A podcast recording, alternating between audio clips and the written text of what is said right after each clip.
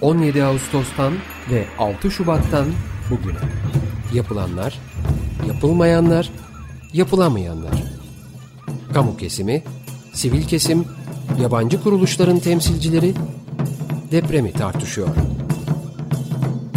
Hayatta kalmak için altın saatler.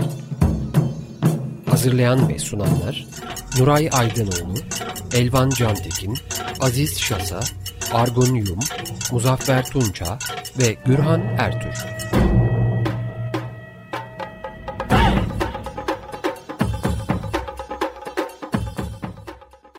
Evet, 95.0 Açık Radyo'da Altın Saatler programı deprem özel yayınındayız. Açık Dergi programının ilk saatini bize ayırdığı için İlksen Mavi Tuna'ya teşekkür ediyoruz. Programı Elvan Cantekin, Muzaffer Tunca ve ben Gürhan Ertür birlikte sunuyoruz. Teknik masada ise Burak, Burak sesimizi sizlere ulaştıracak. Telefon numaramız alan kodu 212 343 40 40. Elektronik posta adresimiz açıkradyo.com.tr Açık Radyo'nun depremle ilgili yayınlarını ve bu yayınların deşifre edilmiş metinlerine ulaşmak için Açık Radyo'nun internet adresinde bir dosyamız var. Yer yağıldı, içine girdik ve Altın Saatler programlarının ses kayıtlarını da yine Açık Radyo'nun internet adresinde podcast bölümünde dinlemeniz mümkün.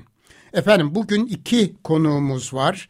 Nurcan Baysal ve Yeter Erel Tuma. Hoş geldiniz arkadaşlar. Hoş bulduk. Hoş bulduk. Merhaba. Merhabalar. Ee, Nurcan Baysal daha önce de program yaptığımız için hatırlayan dinleyicilerimiz olacaktır. Yazar deprem bölgelerinden yeni döndü. Son durumlara ilişkin bilgileri kendisinden alacağız.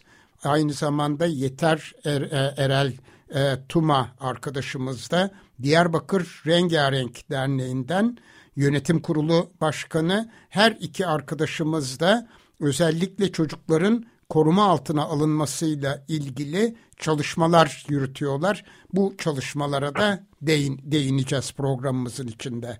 Evet, e, Muzaffer ve Elvan sizler de hoş geldiniz Merhaba. programa. Merhaba.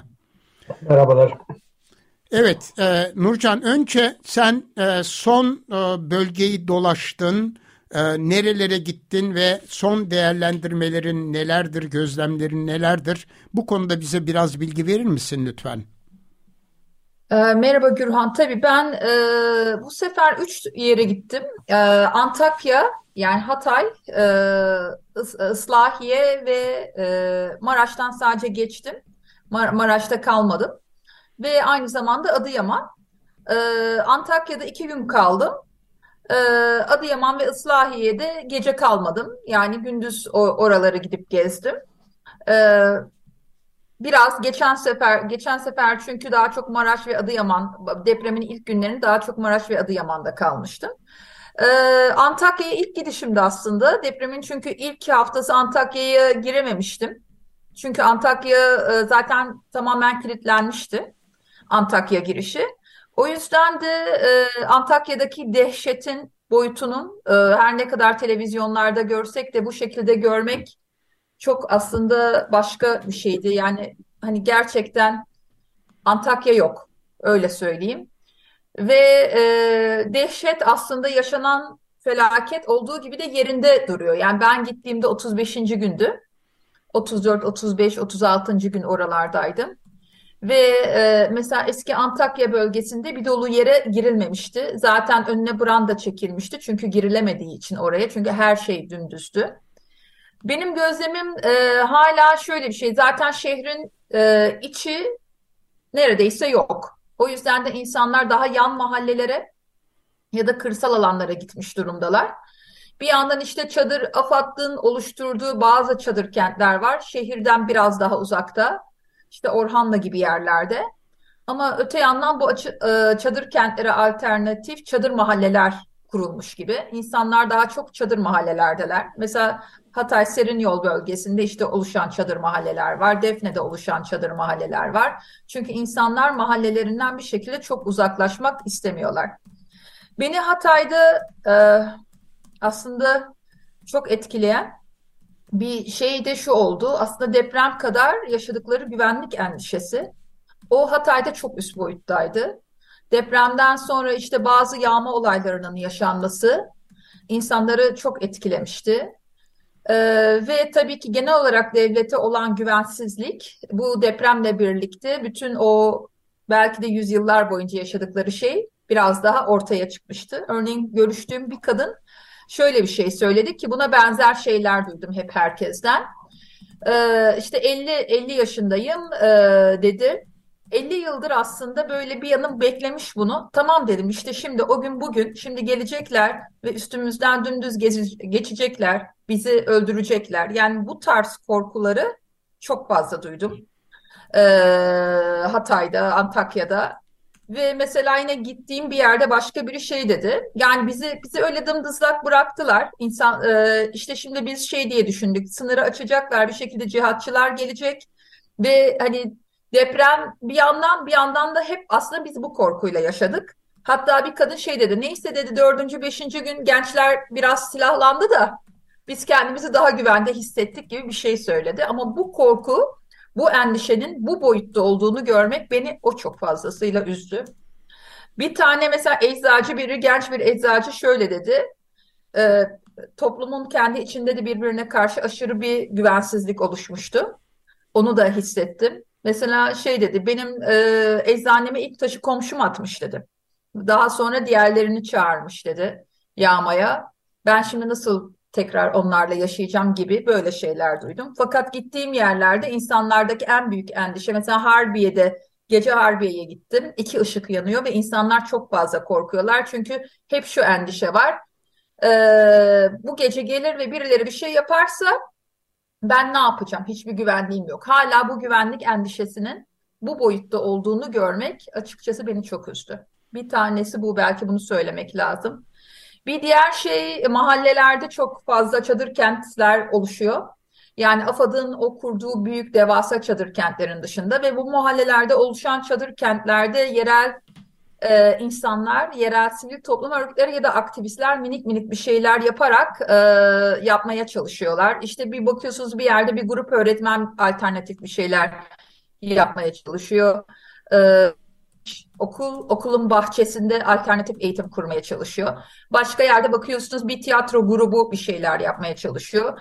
Yani küçük küçük örgütlenmeler, küçük küçük mahalle arası e, çadır kentler ve oralarda tekrar kurulmaya çalışılan yaşamlar var. Yani beni Antakya açıkçası çok çok fazla etkiledi. Onların üzüntüleri, onların endişeleri, bunca yıl böyle bir endişeyle yaşamış olmaları aslında üstümde çok e, ağır bir şey bıraktı doğruyu söylemek gerekirse.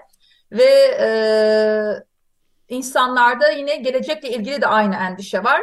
Çünkü gidersek başkalarıyla dolduracaklar. Hep bunlar, bu çok fazla söylendi Antakya'da. O yüzden gitmemeliyiz, o yüzden geri dönmeliyiz. Yani o kadar büyük bir güvensizlik var ki e, bu bunu hissediyorsunuz. Yani Antakya'nın her yanında hissedilen en büyük hissiyat bu gibi. Yani bende en çok bu hissiyat kaldı.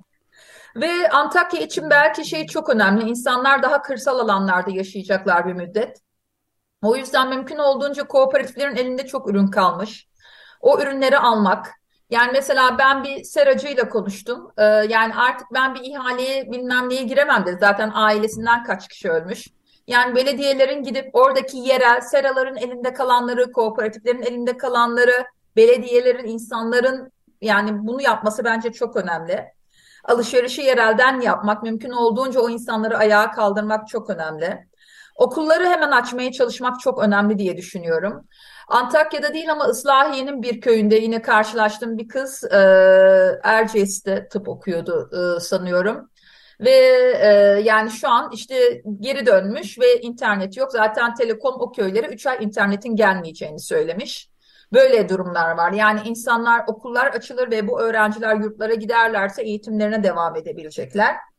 Ve bundan sonrası için güvence vermek çok önemli. Yani insanlar derin bir kaygı, geleceğe yönelik kaygı ve güvensizlik yaşıyorlar. E, çünkü e, yani mesela bazı iş insanları gördüm daha önce işte otelleri falan olan ama bugün çadırda olan çünkü her şey mesela bir kadın şey dedi ben her şeyimi Antakya'nın taşına yatırdım. Antakya'nın e, eski otellerine yatırdım ve şu an hiçbir şeyim ya altımda iş çamaşırım yok nasıl ayağa kalkayım dedi. Bunun gibi yani düşündüğümüzden çok daha dehşet bir durumda insanlar. O yüzden e, ve bu geleceğe dair güvensizlik de insanların tekrar ayağa kalkmasını da engelleyen bir şeye dönüşüyor. O güvensizliği biraz güvene çevirecek bazı onlara güven verecek bazı adımlar atılması gerekiyor diye düşünüyorum. Ee, eğer çok uzatmadıysam Islahiye ve Adıyaman'ı azıcık söyleyebilirim. Adıyaman'ı yeter. Efendim? Lütfen. Uzat- Evet. Tamam. Adıyaman'ı yeter daha iyi biliyordur. Uzun süredir orada. O yüz- o yüzden belki biraz da Islahiye'den bahsedeyim. Islahiye'nin özellikle e, köylerinde yıkım çok büyüktü. Yani bazı köylerde bir köyde 70 kişi falan ölmüş. Ve insanların e, söylediği şey e, devletin gelmediği. E, işte genellikle özel şirketler, özel işte madencilik e, şirketleri o bölgede olan ya da inşaat şirketleri falan hep bunlar kendi vinçleriyle, kamyonlarıyla insanları enkazdan çıkarmışlar. Mesela bir şirketin çalışanıyla konuştum. 140 kişiyi sadece ben gömdüm dedi. Hani e, parmak izini e, şey yaparak savcılıkla birlikte. Yani bu, bu tarz şeyler yaşanmış ve oralarda da aynı şekilde derin bir güvensizlik var ve onlar kırsal tabii tam fay hattında bu köyler. Tam fay hattında olduğu için tek katlı olsa bile tamamen gömülmüşler ve ölü ölüm sayıları Islahiye'nin köylerine çok çok yüksek, oldukça yüksek. Yani bundan sonrası için bence insanlara neler yapılacağına dair, yani ne kadar süre o, o şekilde yaşayacaklar, nasıl destekler verecek, verilecek ve işte oralara başkaları yerleştirilmeyecek. Hem bu şekilde güvenceler vermek gerekiyor hem de bundan sonra hayatlarını biraz kolaylaştıracak bazı şeyler yapmak gerekiyor. Şimdi aş- aşevleri yavaş yavaş kapanmaya doğru başladı.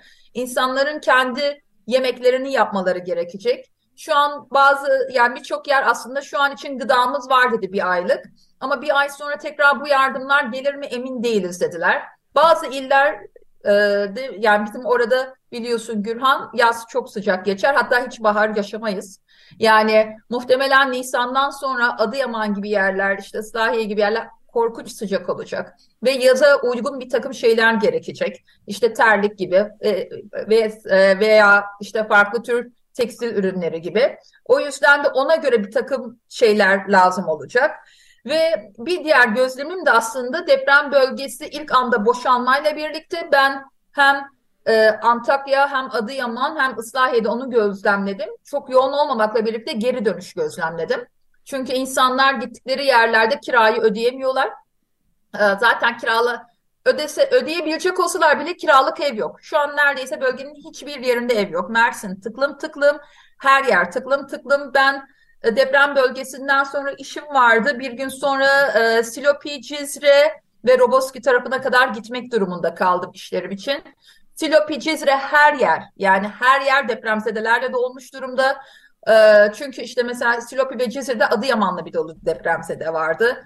E, başka yerde başka yerden depremzedeler vardı. Diyarbakır Sur'da bile depremzedeler var başka şehirden gelmiş. Yani Diyarbakır'da 4000 ev zaten ağır hasarlı, yüz binlerce insan e, evsiz ama ona rağmen Diyarbakır'a bile bir dolu depremzede gelmiş durumda.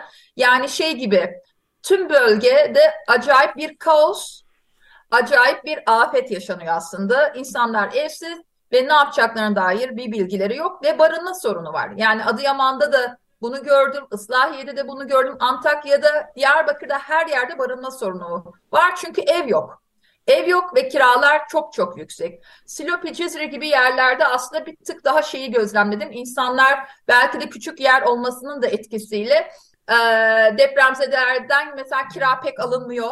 Daha fazla destek veriliyor falan filan ama daha büyük şehirlerde bu iş öyle değil. Yani Diyarbakır'da kiralar 2-3 katına çıkmış durumda. Mersin'de keza aynı şekilde. Yani bu insanlar barınacak hiçbir yer bulamıyorlar. Böyle bir sorun var.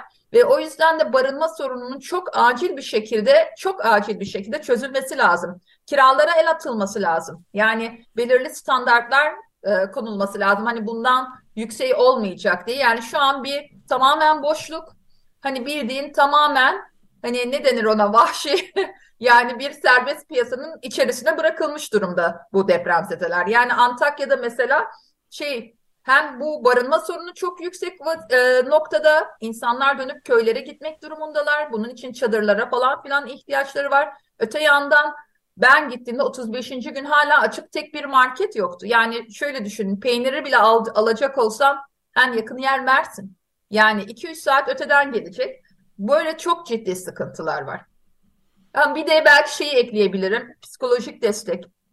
Bence bu da artık bir an önce başlanılması gereken bir şey diye görüyorum. Çünkü ya insanların ayağa kalk, kalkması için bir şeye ihtiyaçları var. Ayağa kalkmak çok zor. Böyle bir yıkımdan sonra ayağa kalkmak çok zor. Çünkü güvensizlik devam ediyor, korkular devam ediyor. Aynı zamanda hala sürekli sallanıldığını düşünün. Yani bir yandan işte insanlar konuşuyorlar. Ee, Aa o da mı vefat etmiş, bu da mı vefat etmiş? Yani bütün arkadaşlarının işte onunla haftaya buluşacaktık, onunla şunu yapacaktık. Bir yandan tüm bu haberleri alıyorsun sürekli hayatında. Öte yandan da bir çadırdasın ya da bir prefabrik bulmaya çalışıyorsun. Ya da işte belki evin bir odasındasın yıkılmayan ama büyük bir güvensizlik yaşıyorsun. Gece Antakya'da her yer karanlık. İnsanların bana en çok söylediği şey bu. Korkuyoruz. Gece karanlık olduktan olduğu, olduğu e, saatten itibaren acayip bir şekilde korkuyoruz. Bu gece bir şey olur mu diye. Yani depremin dışında bir şeyden bahsediyorum. Yani insanlar insanlarda böyle bir korku var Antakya'da. Acayip acayip bir boyutta bu korku. Yani benim e, yine ziyaret ettiğim bir evde e, tüfek vardı masanın üstünde. Çünkü korkuyorlar. Çünkü bütün o mahallede sadece iki ışık var. iki evde ışık var. Diğerleri kapkaranlık. Yani bir şekilde buna ilişkin de insanlara bir güven bir şey verilmesi lazım güvenlik açısından diye düşünüyorum. Evet güvenliğin sağlanması lazım. Kesinlikle bu çok dile getirildi. Evet. Antakya'da bu çok dile getirildi. Yeter Hanım e, Diyarbakır e, çok hızlı harekete geçti ve e, hemen depremin olduğu günün sabahından itibaren ilk 83 kuruluşun bir araya geldiğini ve hemen arkasından kuruluş sayısının da arttığını biliyoruz hem Diyarbakır'a koşturmaya çalıştınız, aynı zamanda Adıyaman'a ve Kahramanmaraş'a da yetişmeye çalıştınız. Bu anlamda yürütmekte olduğunuz kriz masasındaki son durum nedir? Ya Diyarbakır'da aslında bu krizi yönetmek diğer kentlere oranla nispeten daha iyi ve kolaydı. Çünkü zaten örgütlü bir yapısı var Diyarbakır'ın. Evet e, kriz masasının bileşenleri ilk gün 83'tü. Fakat bunlar kriz olduğu anda yan yana gelmedi. Aslında ticaret odasının e, çok yakın bir zaman önce oluşturduğu kent platformunun bileşenleri olarak aslında kriz masasına doğru ıı, çalışmak üzere yan yana geldik, toplandık. Yani dolayısıyla bir oluşum vardı ve oradan doğru hareket etmek de hani çok hızlı oldu. İlk üç gün e, Diyarbakır'da sadece insani ihtiyaçların giderilmesi, oralardaki ihtiyaçların tespit edilmesi ve bunun temin edilmesi üzerine çalışmalar yürüttük. Çok yoğun ve bunu aslında sadece platform değil, sizin de az önce söylediğiniz gibi daha sonra e, dahil olan inisiyatifler, aktivistler, iş insanları hep birlikte hareket ettik. Burayı koordine etmek ve buradaki ihtiyaçların giderilmesi meselesi daha kolaydı. Fakat bu en kısa hani 3 gün sürdü. 3 günün sonunda işte Diyarbakır'da toplamda 186 tane geçici barınma alanı vardı. Ee, bütün aslında baktığınız zaman Diyarbakır'da işte hasar az gibi görünüyor diğer kentlere oranla. Fakat ikinci depremden sonra Diyarbakır'ın yüzde doksanı maalesef evine girmeye korkuyordu. Çok haklı olarak. Dolayısıyla yüzde doksanı dışarıdaydı. Bütün okullar, camiler, spor salonları, düğün salonları, kafeler, hani insanların güvenli bulduğu bütün alanlar maalesef doluydu ve işte yemek, ısınma, işte bebekler için, e, kadınlar için hijyen e, ihtiyaç malzemeleri e, hız, hızlıca önce bunların tamamlanması ve ihtiyaç sahiplerine yetiştirilmesi gerekiyordu. Biz üç günün sonunda şöyle bir kendimize gelip aslında şeyi fark ettik. Yani afetin ne kadar büyük olduğunu üç günün sonunda fark edebildik. Fakat o zaman bile Hatay ve Maraş söz konusuydu gündemde ama Adıyaman asla konuşulmuyordu. Adıyaman'da bulunan arkadaşlarımızın yani bileşenlerin, platform bileşenlerinin doğrudan Adıyaman'daki arkadaşlarından aldığımız bilgilerle aslında orada da ciddi bir e, tahribat olduğu, e, afetten çok, depremden çok ciddi etkilendiği ama hiçbir şekilde desteğin gitmediği bilgisini aldık ve üçüncü gün itibariyle e, ekipler göndermeye başladık. Tabii ki giden ekipler ilk önce işte temiz su, gıda, battaniye, ısınma e, araçları bunlarla gittiler ama platformun bütün üyelerinin olduğu bir WhatsApp grubunda oraya yetişen e, arkadaşlardan şöyle mesajlar almaya başladık. Hani arkadaşlar yemek göndermeyin, battaniye göndermeyin, kefen gönderin. O zaman anladık aslında ne kadar büyük bir enkazla e, karşı karşıya kaldığımızı. E, bir süre sonra artık hani tüm platform üyeleri ve sivil toplum örgütleri kendi uzmanlıklarına göre Adıyaman'da çalışmaya başladılar. Hala çalışmalarımızı üçüncü günden beri Adıyaman'da ağırlıklı olarak sürdürüyoruz.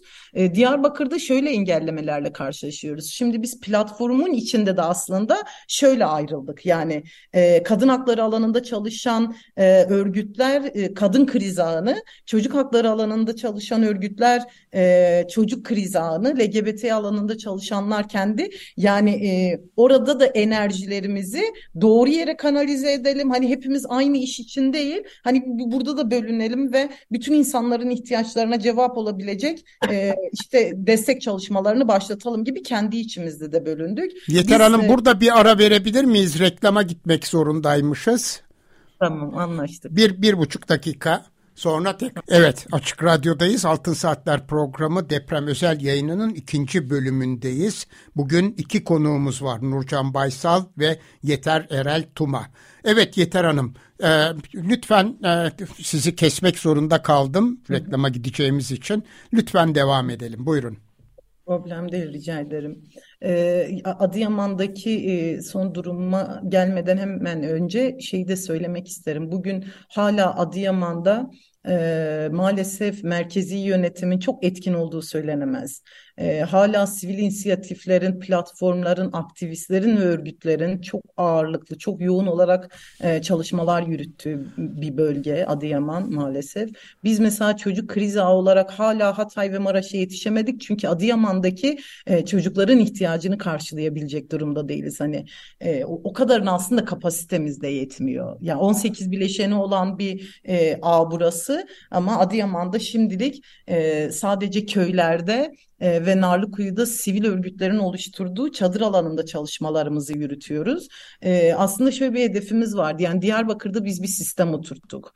E, çocuk hakları odaklı kriz yönetim ağı Türkiye'de e, bir krizden hemen sonra oluşturulmuş ve çocukların tamamen haklarını gözeten e, ilk oluşum olarak da aslında böylelikle tarihe geçmiş oldu. Bizim de buradan doğru aslında bir pratiğimiz ve deneyimimiz var. Üst üste çok fazla kriz yaşadık.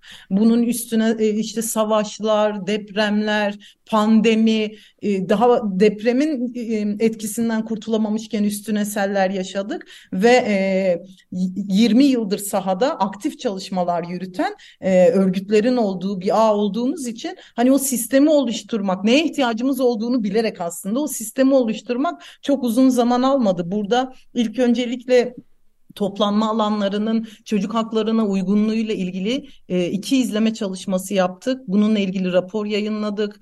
E, suç duyurusunda bulunduk. Bilgi edinme kanunu kapsamında e, başvurularımız oldu. Bunlar ağın hukuk birimleri tarafından. Diğer tarafından bu geçici barınma alanlarında çocukların ilk önce ihtiyacı olan şey bakın hep şeyi kaçırıyoruz yani hani evet önce insani e, temel ihtiyaçlar okey. Ama hiçbir zaman hiçbir koşulda ve hiçbir krizde insan ya da doğa kaynaklı hiçbir krizde çocuklara güvenli bilgi verilmiyor maalesef. Çocuklar kendilerini bir anda bir kaosun içinde görüyorlar ve ne olduğunu anlamlandıramıyorlar. Dolayısıyla hani buradaki açığı da kapatmak için A olarak bir takım çalışmalar yaptık. Ee, ama dediğim gibi afet çok büyük ve sadece buradaki kriz anın tüm afet bölgelerine yetişebilecek kapasitesi yok. Ama zaten çok ihtiyaç da yok. Baktığınız zaman Türkiye'de bütün sivil toplum örgütleri bir şekilde sahada. Ee, e, maalesef şöyle bir şey var. Hani onu da söylemeden geçemeyeceğim. e, sivil toplum örgütlerinin son zamanlarda afetten hemen önce e, pasifize edilmeye çalıştığı, e, kriminalize edildiği, itibarsızlaştırıldığı, işte yöneticilerinin, gönüllülerinin gözaltına alarak etkisizleştirilmeye çalıştığı bir süreçte e, bugün bu büyük afetin aslında en önde gidenlerinin, en ciddi destekleri sağlayanların e, sivil toplum örgütleri olduğu gerçeği de açığa çıktı. Yani sivil toplum örgütleri ya da aktivistler olarak kimseden teşekkür beklemiyoruz tabii ki. Tüm insanların daha adil, daha onurlu, daha ım, insani bir şekilde yaşaması için hiç durmadan çalışmaya devam edeceğiz tabii ki. Ama bu emeğin bir kere görünmesi ve e, buranın bir önceki dönem o pasifize edilmeye çalışan örgütler için aslında bir özür dilenmesi gerektiğini düşünüyorum. Tarlabaşı Toplum Merkezi kapatma davasıyla e, hakkında biliyorsunuz soruşturmalar açıldı. Arkadaşlar göç izlerden arkadaşlar gözaltına alındı. Yine Rosa Kadın Derneği öyle. E, fakat baktığınız zaman ilk günden beri sahada hiç durmadan çalışan örgütler bunlar. Dolayısıyla sivil topluma ne kadar ihtiyacımız olduğu, sivil toplumun aslında bu tür afetlerde, bu tür krizlerde ne kadar büyük sorumluluklar ve roller üstlendiği gerçeği de böylelikle e, görünür oldu. Bunu da söylemeden geçmek istemedim. Ee, şimdi Adıyaman'daki durum şöyle. E, biz ilk üç gün size az önce de söylediğim gibi alanda çalışmaya başladık.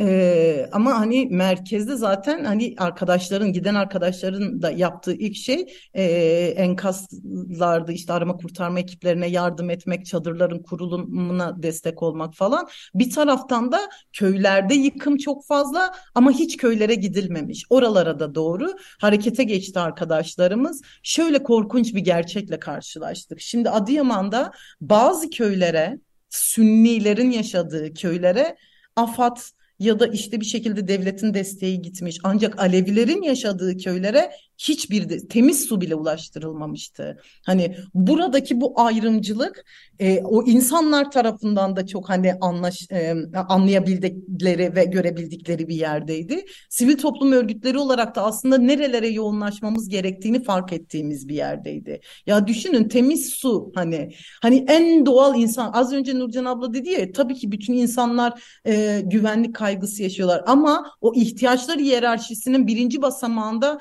temel ihtiyaçlar ihtiyaçlar var. Yani önce buraların karşılanması lazım ama Adıyaman'da hala hala o temel ihtiyaçlar yeteri kadar yetiştirilmiş durumda değil maalesef.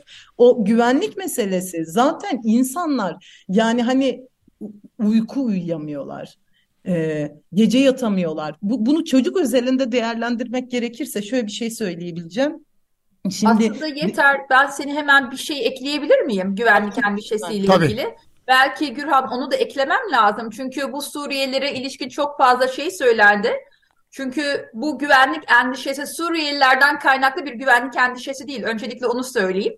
Yani Adıyaman, e, Antakya'da da bana en çok söyleden çünkü ben de bunu özellikle sordum. Bu yağma falan meseleleri yok dediler yani ne Suriyelileri yani böyle dışarıdan gelen çete gibi bir gruplar valizlerle çıkıyorlardı dediler. Zaten Antakya'da falan da Adıyaman'da da sanırım öyle en çok ölenler Suriyeliler tam tersine. Çünkü en yoksul yerlerde yaşayanlar e, en kötü evlerde yaşayanlar onlar olduğu için Suriyeliler... Ayrıca şu anda can korkusuyla yaşıyorlar. Yani Aynen öyle. Aynen öyle. Yani e, onu da eklemek e, önemli. Çok doğru. Şimdi yeter tekrar söyleyince eklemek istedim. Yani Hı-hı. bunu bunu çünkü özellikle sordum ya Antakya'ya giden herkes de biliyor bunun Suriyeliler e, meselesi olmadığını. Yani bu başka bir şey. Gelmişler, valizlerle gelmişler, bunları yapmışlar.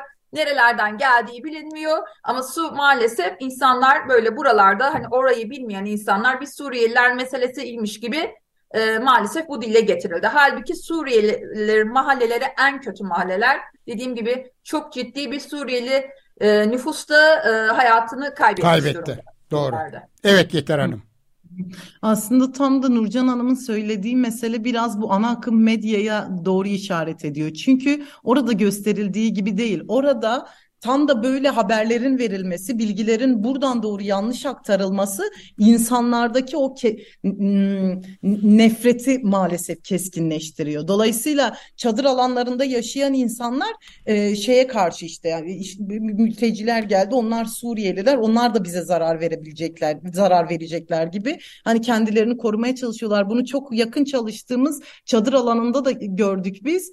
E, düşünün e, AFAD'ın değil bu arada biz sivil e, yapının e, alanında çalışmalarımızı yürütüyoruz. E, e, çadır alanımıza çok yakın 3-4 tane e, çadır var. Çok yakın ama içeride değil hani. Çünkü aileler kabul etmemişler onları. Onlar o alana giremiyor, oranın tuvaletini kullanamıyor, banyosunu kullanamıyor. Oradaki çocuklar bizim kendi oyun alanımıza gelemiyorlar. Çünkü aileler inanılmaz şey hani böyle hmm, bize zarar verecekler ya da çocuklarımıza. Bu bilgi nereden gidiyor? İşte tam da bu medyadaki işte e, körükleştirilen o ayrımcılık, hani burayla nasıl mücadele ederiz gibi düşünmeleri gereken yerde bu nefreti nasıl daha keskin hale getiririz, getiririzin böyle anlamsız bir çabası var maalesef.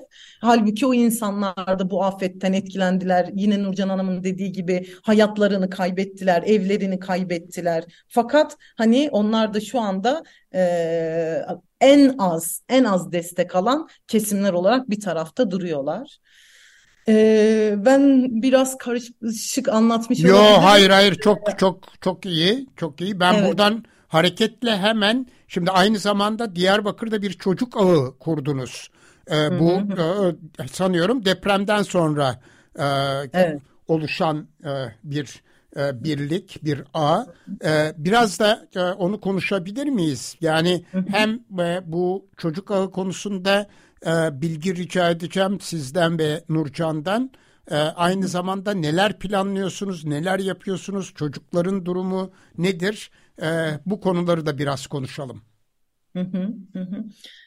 Ben hemen ağın biraz oluşumundan bahsedeyim. Aslında Lütfen. dört e, çağrıcı kurumla İnsan Hakları Derneği, Rengarenk Umutlar Derneği, Çocuk Çalışmaları Derneği ve Baro'nun Çocuk Hakları Merkezi olarak hani e, biz ikinci depreme, öğlen saatlerinde yaşadığımız ikinci depreme toplantı halinde yakalandık. Yani çok hızlı yan yana gelip bir an önce çocukları hani e, deprem oldu ve biz şöyleyiz. Hani çocuklar için ne yapacağız? Onların güvenliği ve korumasını nasıl sağlayacağız?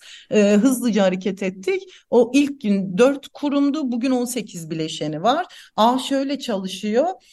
Bunun içinde tabipler odası var, sosyal hizmet uzmanları derneği var, e, işte baro var, eğitim sen var. Aslında hani bölgede doğrudan ya da dolaylı olarak çalışan örgütlerin oluşturduğu bir ağ ve kendi içinde birimleri var. Ve bu birimlerde çalışan örgütler aslında sahada da kendi uzmanlıklarından doğru destek oluyorlar. Mesela psikososyal destek birimine, psikososyal alanda çalışan Sosyal Hizmet Uzmanları Derneği, e, Mezopotamya Psikologları Derneği ve Rengarenk Umutlar Derneği o birimin sorumlusu ve çalışmalar orada o birim adına hani onun koordinasyonunda ilerliyor ya da izleme çalışmaları ağırlıklı olarak izleme çalışmaları yapan örgütler e, alanların çadır kentlerin geçici barınma alanlarının konteyner kentlerin çocuk haklarına uygunluğuyla ilgili çeşitli izleme çalışmaları yapıyorlar ve bunlarla ilgili e, raporlar yayınlıyorlar. Yine hukuk birimimiz var. E, bence burası önemli çünkü izleme çalışmasının tespit ettiği hak ihlalleriyle ilgili hukuk birimi de ilgili yerlere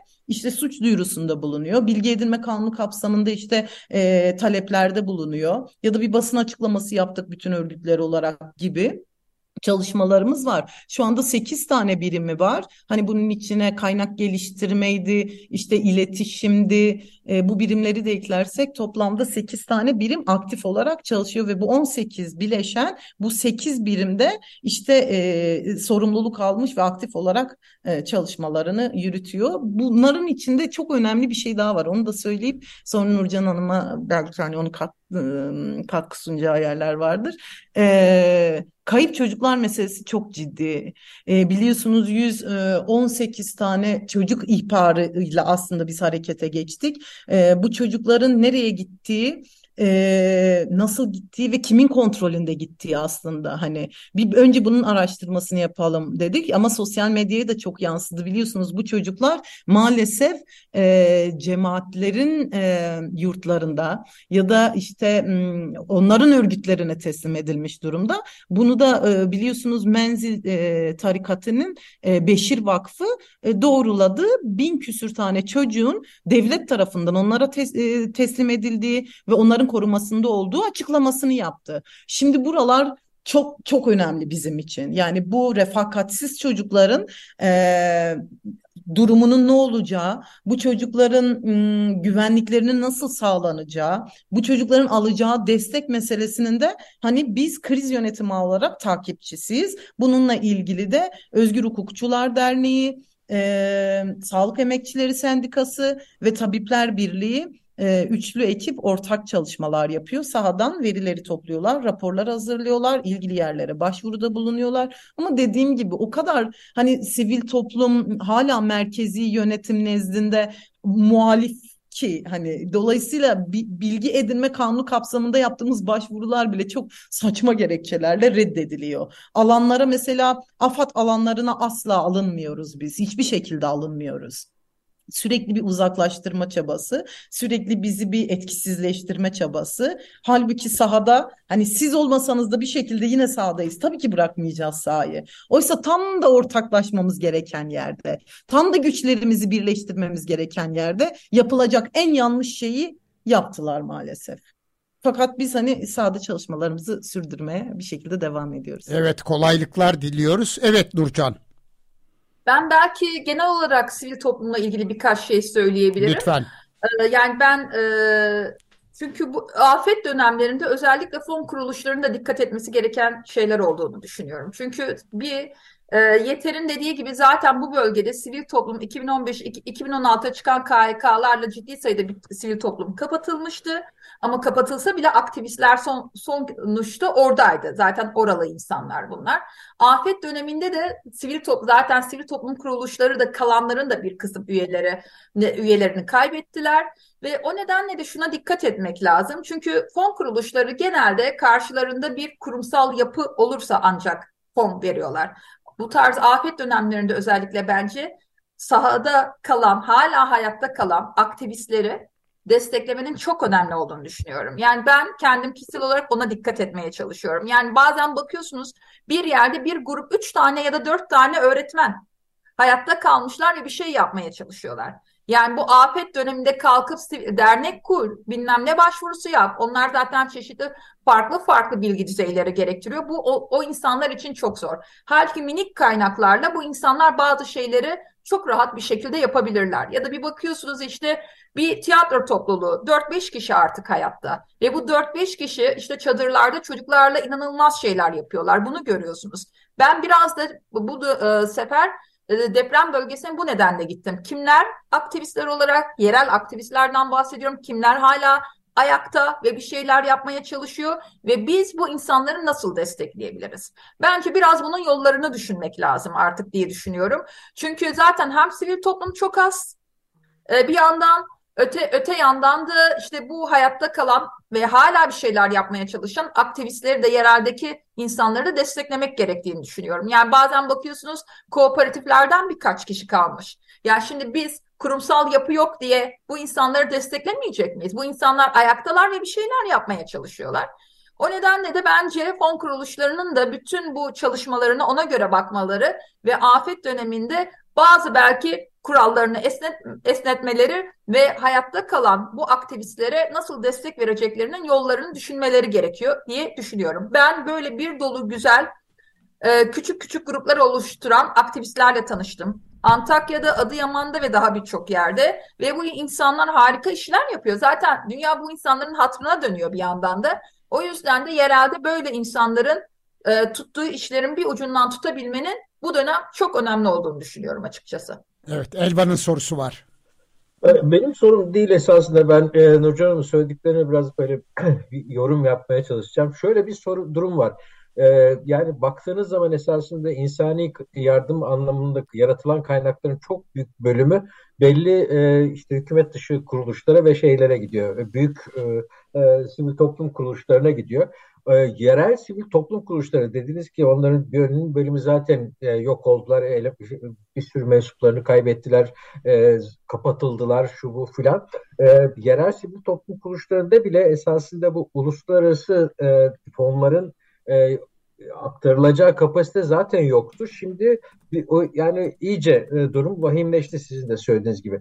Bu noktada bir mekanizma ortaya atılması, ortaya çıkartılması da fayda yok mu? Yani e, bu uluslararası fonların ya da Türkiye içerisinde de yaratılacak bir takım fonlar varsa e, bilemiyorum. Onların e, of, Türkiye'de yaratılan fonların gittiği kanallar çok belli ama e, hani olur da böyle bir e, e, fon e, yaratma söz konusu olursa bu e, bu şeyde yerel aktivistler olsun, yerel sivil toplum kuruluşları olsun e, bunlara bir, bir şekilde aktarmayı sağlayabilecek bir ara mekanizma e, nasıl kurulabilir? E, bence bunu düşünmemiz gerekiyor diye e, ya ara mekanizmayı aslında insan hakları meselesinde geçmiş 4-5 yılda kurdular bir şekilde. Yani şöyle kurdular. Bu alanda uluslararası örgütlerden gelen büyük kaynaklar İstanbul merkezli daha çok 3-4 sivil, büyük sivil toplum örgütüne geldi. Onlar da daha Anadolu'daki sivil toplum örgütlerine küçük fon çağrıları yaptılar. Ama baktığımız zaman bunların yine sivil toplum örgütlerine fon çağrısı şeklinde olduğunu görüyoruz. Küçük sivil toplum örgütlerini güçlendirmeye yönelik mekanizmalar çok da iyi oldu. Çoğu da çok yerine gitti ki yani çoğunu takip ettim. Ama bir de işin şöyle bir tarafı var. Yani şimdi mesela büyük STK'ların çoğu e, Antakya'da e, Hatay yani Antakya ile Hatay'ı kastediyorum tabii. Antak Antakya'da e, AFAD'ın kurduğu e, büyük kampların içindeler. E, ve ben mesela bunlardan bir tanesine gittim. E, UNICEF de oradaydı. Hatta UNICEF'in iki e, UNICEF'ten iki kişi vardı. Ya dedim burada ne yapıyorsunuz? Çok az insan var. Evet kamp çok büyük ama insanlar kamp şehir dışında işte asker polis çok yoğun ve insanlar mahallelerinde olmayı tercih ediyorlar. Mahallelerde alternatif çadır mahalleler var bir kere. E, fakat hani o en büyükler oralardalar ve kaynaklar da orada. Öte yandan işte mahallelerde insanlar kaynaksız bir şekildeler. Bu durumda siz ne yapacaksınız?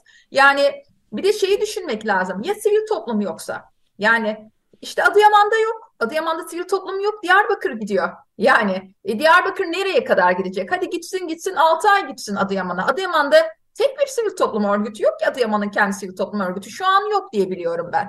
Yani Nurdağ'da yok ki sivil toplum örgütü ya da Islahiye'de yok ki sivil toplum örgütü ama her yerde birkaç aktivist var, birkaç tane güzel öğretmen var, birkaç tane güzel e, doktor var. Yani var iyi ve güzel insanlar var bir şeyler yapan. Peki biz o iyi ve güzel insanları destekleyecek mekanizmayı kurmayacak mıyız? İlla ki işte resmi kurum resmi kurum diyerek. Kurulabilir.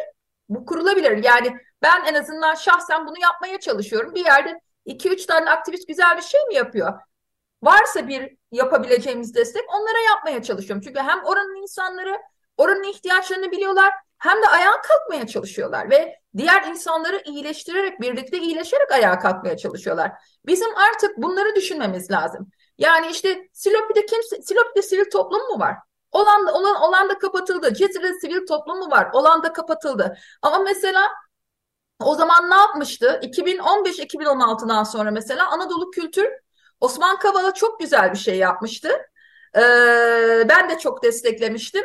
Ee, ve belki de Türkiye'de o mekanizmanın ilk ilklerinden biriydi. Ya sivil toplum olmasın biz çocuk fonu kurar, kur, e, kuralım ve sivil toplum olmayan STK olmayan yapılar da yani insanlar da aktivistler de başvurabilsin yeter ki bir şeyler yapmak isteyen insanlar başvurabilsin demişti ve çok yerine ulaştı ve bu aktivistler zamanla sivil toplum örgütlerini de kurdular. Hem de sivil toplumun aslında tohumlarını atmış oluyorsunuz. Yani bu yapılamayacak bir şey değil. Yeter ki biraz istemek Biraz insana güvenmek yani. Hayat zaten biraz da güvenmek üzerine olmalı diye düşünüyorum. Yani ben açıkçası şahsen kendi gelecek bir yılımı e, deprem bölgesi neler yapabiliriz diye bunun üzerine kurguladım. Mümkün olduğunca yerelde çalışan oranın insanlarını, oranın aktivistlerini mümkün olduğunca desteklemek lazım diye düşünüyorum. Yani bu mekanizmalar dünyada çok olmasa da var. Türkiye'nin de buna geçmesi gerekiyor. Çünkü İstanbul'dan bir STK Yani neden or neden orada yıl e, bir yıl boyunca düşünsenize gideceksiniz, geleceksiniz bilmem.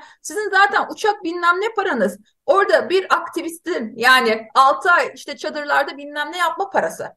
Yani o yüzden yereli desteklemek çok önemli ve istenirse de bu mekanizmalar bulunuyor. Ama benim Antakya'da gördüğüm bir şeyi daha belki vurgulamak isterim. Beni de çok rahatsız eden bir şey. Çünkü Suriyeliler savaştan sonra Suriyeliler geldiğinde de aynı şeyi yaşadık. Ve bütün Antep, bütün o hat yani e, sivil toplum örgütü doldu. Yani biz işte bir dolu uluslararası örgüt, bir dolu kaynak ve bir dolu bir anda sivil toplum örgütleri kuruldu. Bunların bir kısmı iyi çalışan örgütler, bir kısmının adını hiçbir zaman bilemedik ama böyle yabancı kaynaklar, uluslararası kuruluşların getirdiği sivil toplum örgütleri de oldu. Şimdi aynı şeyi Mesela Antakya'da olacak diye korkuyorum. Çünkü her taraftan işte BM'dir, şudur, budur. İşte projeler açılıyor, şunlar oluyor, bunlar oluyor. Ya gidiyorsunuz Antakya'ya, nerede bu insanlar? Çünkü mahallelerde insanlar çok yalnız ve küçücük STK'lar yanlarında üç öğretmen bir yerde bir şey yapmaya çalışıyor. iki psikolog bir yerde bir şey yapmaya çalışıyor. O yüzden bir kaynak girecek uluslararası kaynakla bu bölgeye. Ama bu kaynak nasıl kullanılacak? Gerçekten gerçekten buna bakmak ve bu uluslararası kuruluşlarla konuşmak lazım. Yani bırakın siz kendi adamlarınızı bilmem kaç bin şeylik maaşlarla getirmeyi. Ya bu paraları dağıtın. Küçüklere dağıtın, yerellere dağıtın, ayağa kalksınlar. Belki bunu söylemek lazım diye düşünüyorum. Evet, e, özellikle ikinizin de vurguladığı son derece önemli bir nokta var. Bu iş e, uzun sürecek ve o uzun süre boyunca da e, mutlaka hem sivil desteklerin devam etmesi lazım, çalışmaların devam etmesi lazım.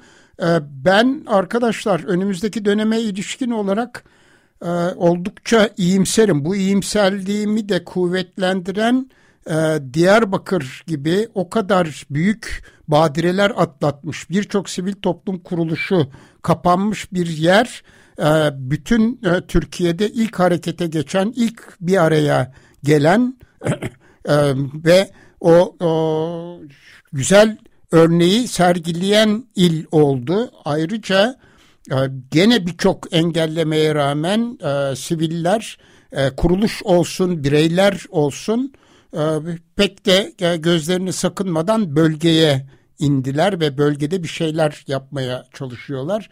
Ben o anlamda e, sivil toplumda da bir iklim değişikliğinin seçimle de bağlantılı olmadan bunu düşünüyorum ve söylüyorum.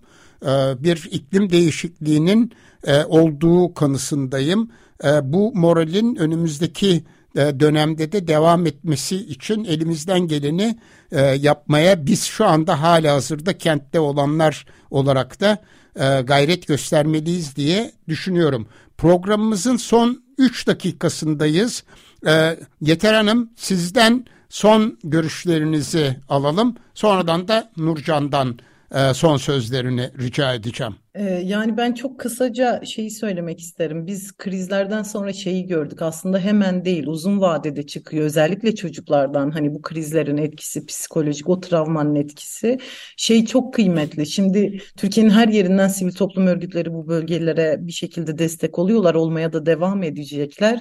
Ama çocukların kültür güvenliği bizim için çok önemli. Çünkü biz Sur Savaşı'ndan sonra çocukların aslında öz kimliğiyle ilgili çok ciddi bir bar barışık olmama haline geldiğini gözlemledik. Dolayısıyla çocuklarla psikososyal destek çalışmaları yapacak tüm ekiplerin e, Diyarbakır'daki kriz anının oluşturduğu psikososyal destek modüllerini kullanması gerektiğinin altını her yerde söylüyoruz. Burada da ayrıca söylemek isteriz.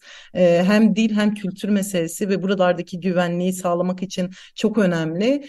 E, depremin yıkıcı etkisi maalesef devam ediyor. Hala temiz suya erişemiyor insanlar. E, umuyorum ki sizin de dediğiniz gibi hani bir an önce e, o iyi ve toparlanabilmiş e, günleri, o güzel günleri hep birlikte e, görürüz. Teşekkür ederim ben. De. Çok teşekkürler. Biz de size teşekkür ediyoruz. Nurcan? Bu uzun sürecek yani çok uzun yıllar alacak belki de bu insanların tekrar toparlanması, ayağa kalkması. O yüzden de bizim de o desteği devam ettirmemiz lazım. Ee, özellikle benden e, şey çok fazla dile getirildi ihtiyaçları olarak e, temizlik malzemeleri, hijyen malzemeleri çok fazla dile getirilen ihtiyaçlar oldu. İş çamaşırı ve çoğu insan bir aylık gıdamız var, bir ay sonrayı bilmiyoruz dediler. O yüzden de bunların e, akmaya devam etmesi ve az önce de söylediğim gibi yereldeki insanların, yerel aktivistlerin, yereldeki hak savunucuların, yerelde bir şeyler yapabilecek insanların e, ayağa kalkıp diğerleriyle birlikte bir şeyler yapabilmesi için desteklenmesi küçük küçük kaynaklarla çok önemli diye düşünüyorum. Çok çok Teşekkür teşekkürler arkadaşlar. İkinize de e, çok teşekkür ederiz. Çalışmalarınızda başarılar diliyoruz. Bol kuvvet sizlere. Hepimize. Sağ olun. Evet, bugün Altın Saatler programı deprem özel yayınında iki konuğumuz vardı. Nurcan Baysal ve Yeter Erel Tuma arkadaşlarımız. Kendileriyle hem deprem bölgesindeki son durumları konuştuk. Aynı zamanda Diyarbakır'da kurulmuş olan Diyarbakır Çocuk Ağı'nı e, konu ettik. E, evet yarın e, 14.30'da yeni bir Altın Saatler programı deprem özel yayınında görüşmek dileğiyle. Hoşçakalın.